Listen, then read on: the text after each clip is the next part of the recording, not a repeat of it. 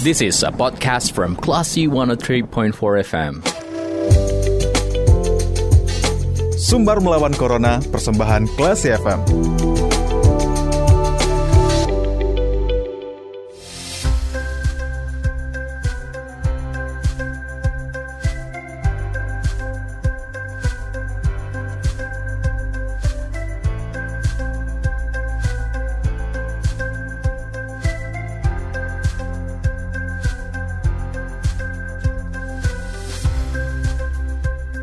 For Kelas FM, this is the actual radio. Selamat sore Classy People, saatnya Anda mencermati sumber melawan Corona sore hari ini bersama saya Yuri Edelin. Dan sumber melawan Corona sore hari ini persembahan Yayasan Semen Padang dan Semen Padang Hospital. Nah Classy People kita akan ngobrol bersama Dr. Dewi Nancy Putri, Mars Staff Ahli Direktur SPH. Kita langsung sapa. Halo selamat sore dokter.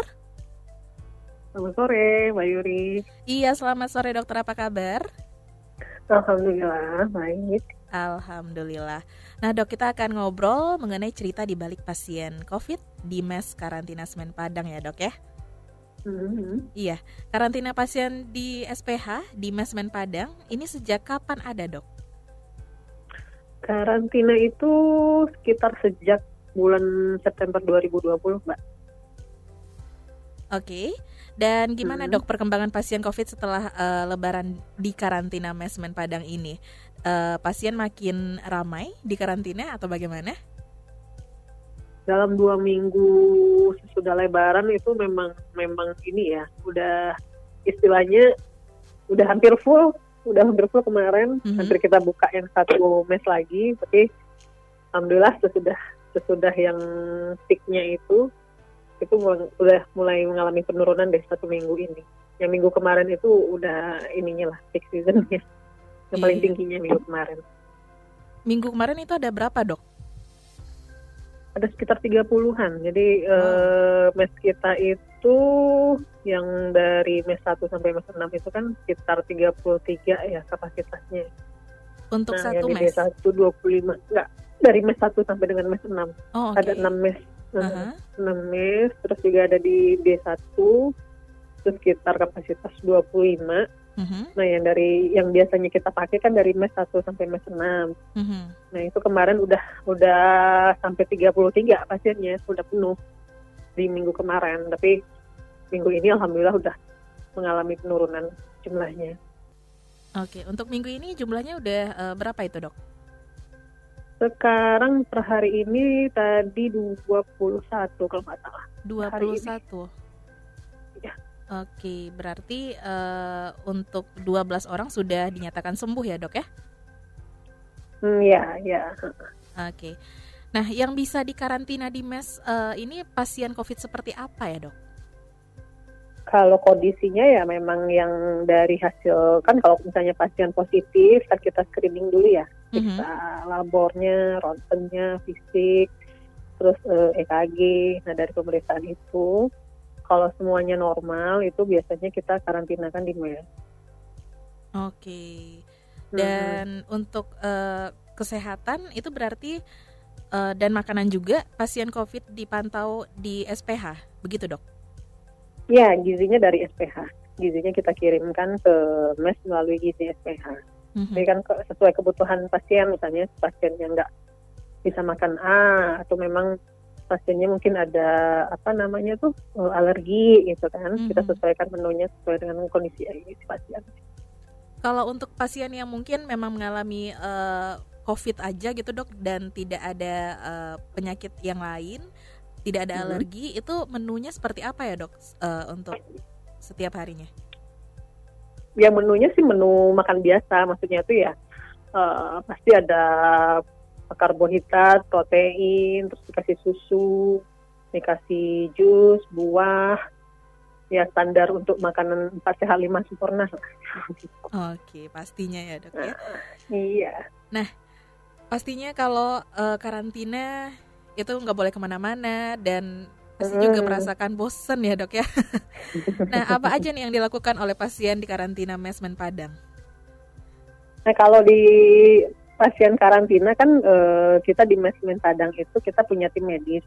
Mm-hmm. Jadi setiap hari tim medis kita dokter sama perawat itu melakukan visit ya VCT untuk periksa pasiennya. Mhm. Biasanya sesudah VCT itu eh, tim medis kita ngajakin eh, olahraga, olahraga atau goro bersih bersihin mesnya Mhm.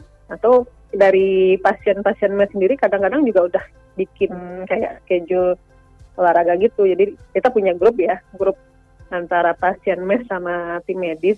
Mereka biasanya tuh info eh, jam sekian-sekian kita eh, jogging ya, jam sekian-sekian kita jemur ya, gitu-gitu. Oh, Jadi- Oke. Alhamdulillah mereka eh, mengisi aktivitas di mesnya tuh dengan yang sangat baik lah. Jadi biar biar sama-sama happy, sama-sama cepat sembuh, terus juga eh, sama-sama support antar antar pasien mesnya. Iya pastinya itu eh, juga tetap eh, mematuhi prokes ya dok ya. Ya, ya. Untuk untuk eh, apa namanya keamanan mungkin masyarakat sekitar memang sudah ada istilah kita kasih eh, batas ya. Ada ada polis lain gitu, batas mana yang boleh eh, dilewati oleh pasien-pasien mes sendiri.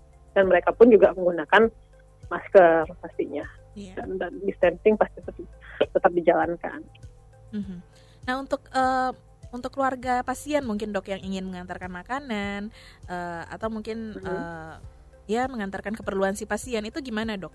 Apakah eh, melalui eh, ada tahap-tahapnya dulu atau gimana itu dok? Langsung diberikan ke pasien itu nggak mungkin ya dok ya karena kan lagi di karantina gitu.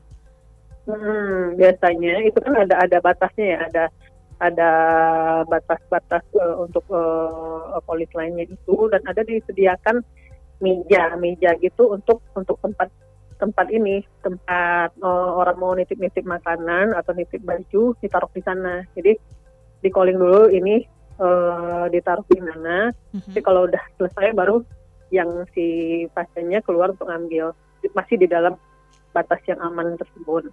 Ada ada ininya, ada pos-posnya untuk tetap tempat Oh. penitipan gitu. Oke baik.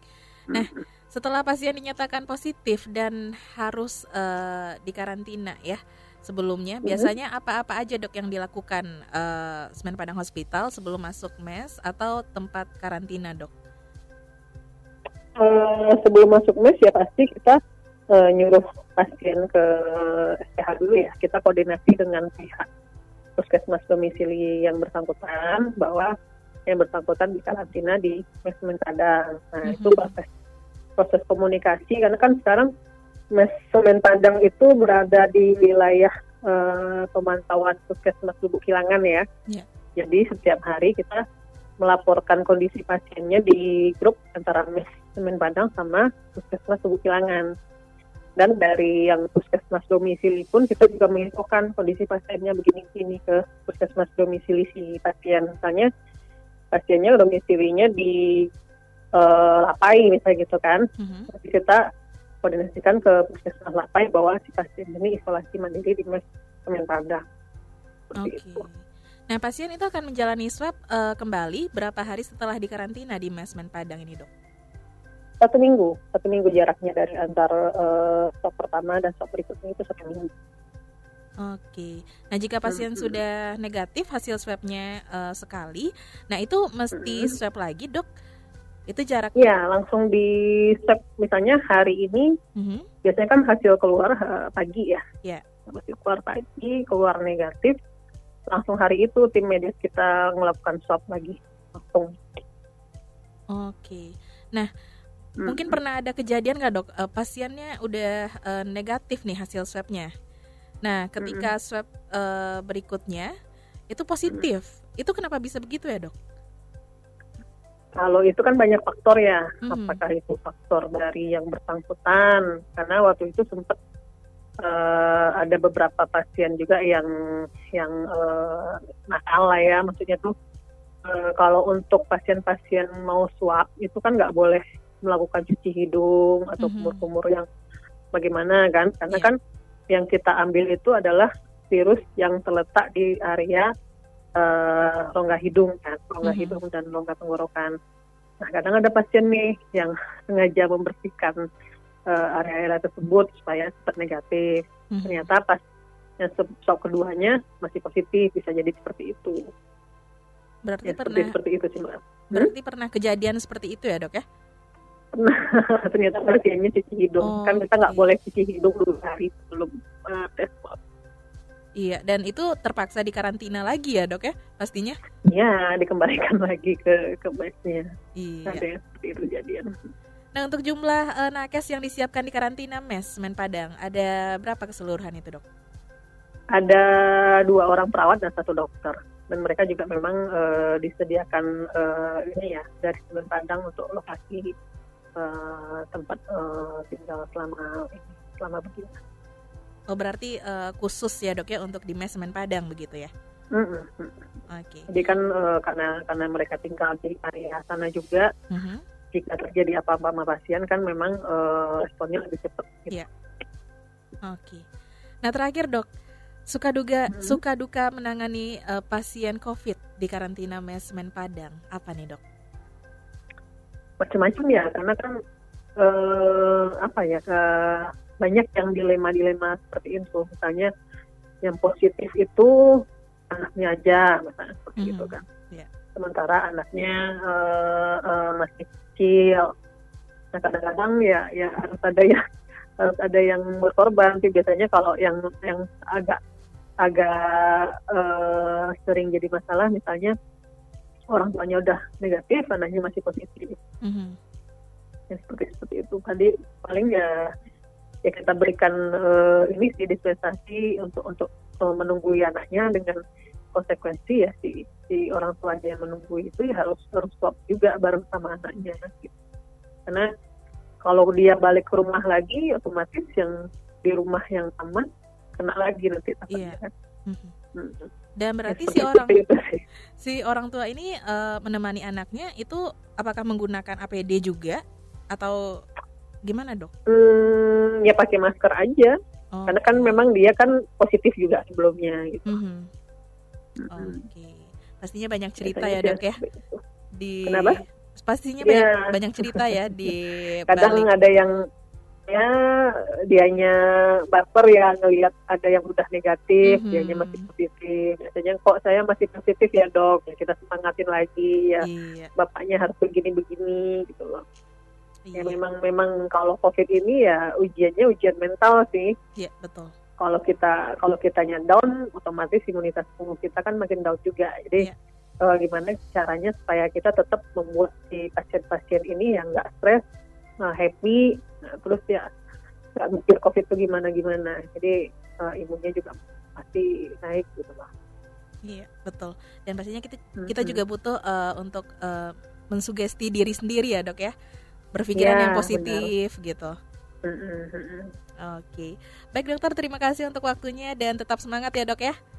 Sama-sama Mbak. Oke, selamat Jaga melanjutkan. ser- jaga selalu prokes ya. Siap, siap dokter. Oke. Oke, selamat melanjutkan aktivitas kembali dok. Oke. Selamat sore. Waalaikumsalam warahmatullahi wabarakatuh. Baiklah si people, demikian obrolan kita bersama Dr. Dewi Nancy Putri, Marstaf ahli, ahli Direktur SPH. Kita ke program selanjutnya. Terima kasih. Anda sudah mencermati program Sumber Melawan Corona. Cermati podcast obrolan ini di www.classfm.co.id atau download aplikasi Classy FM.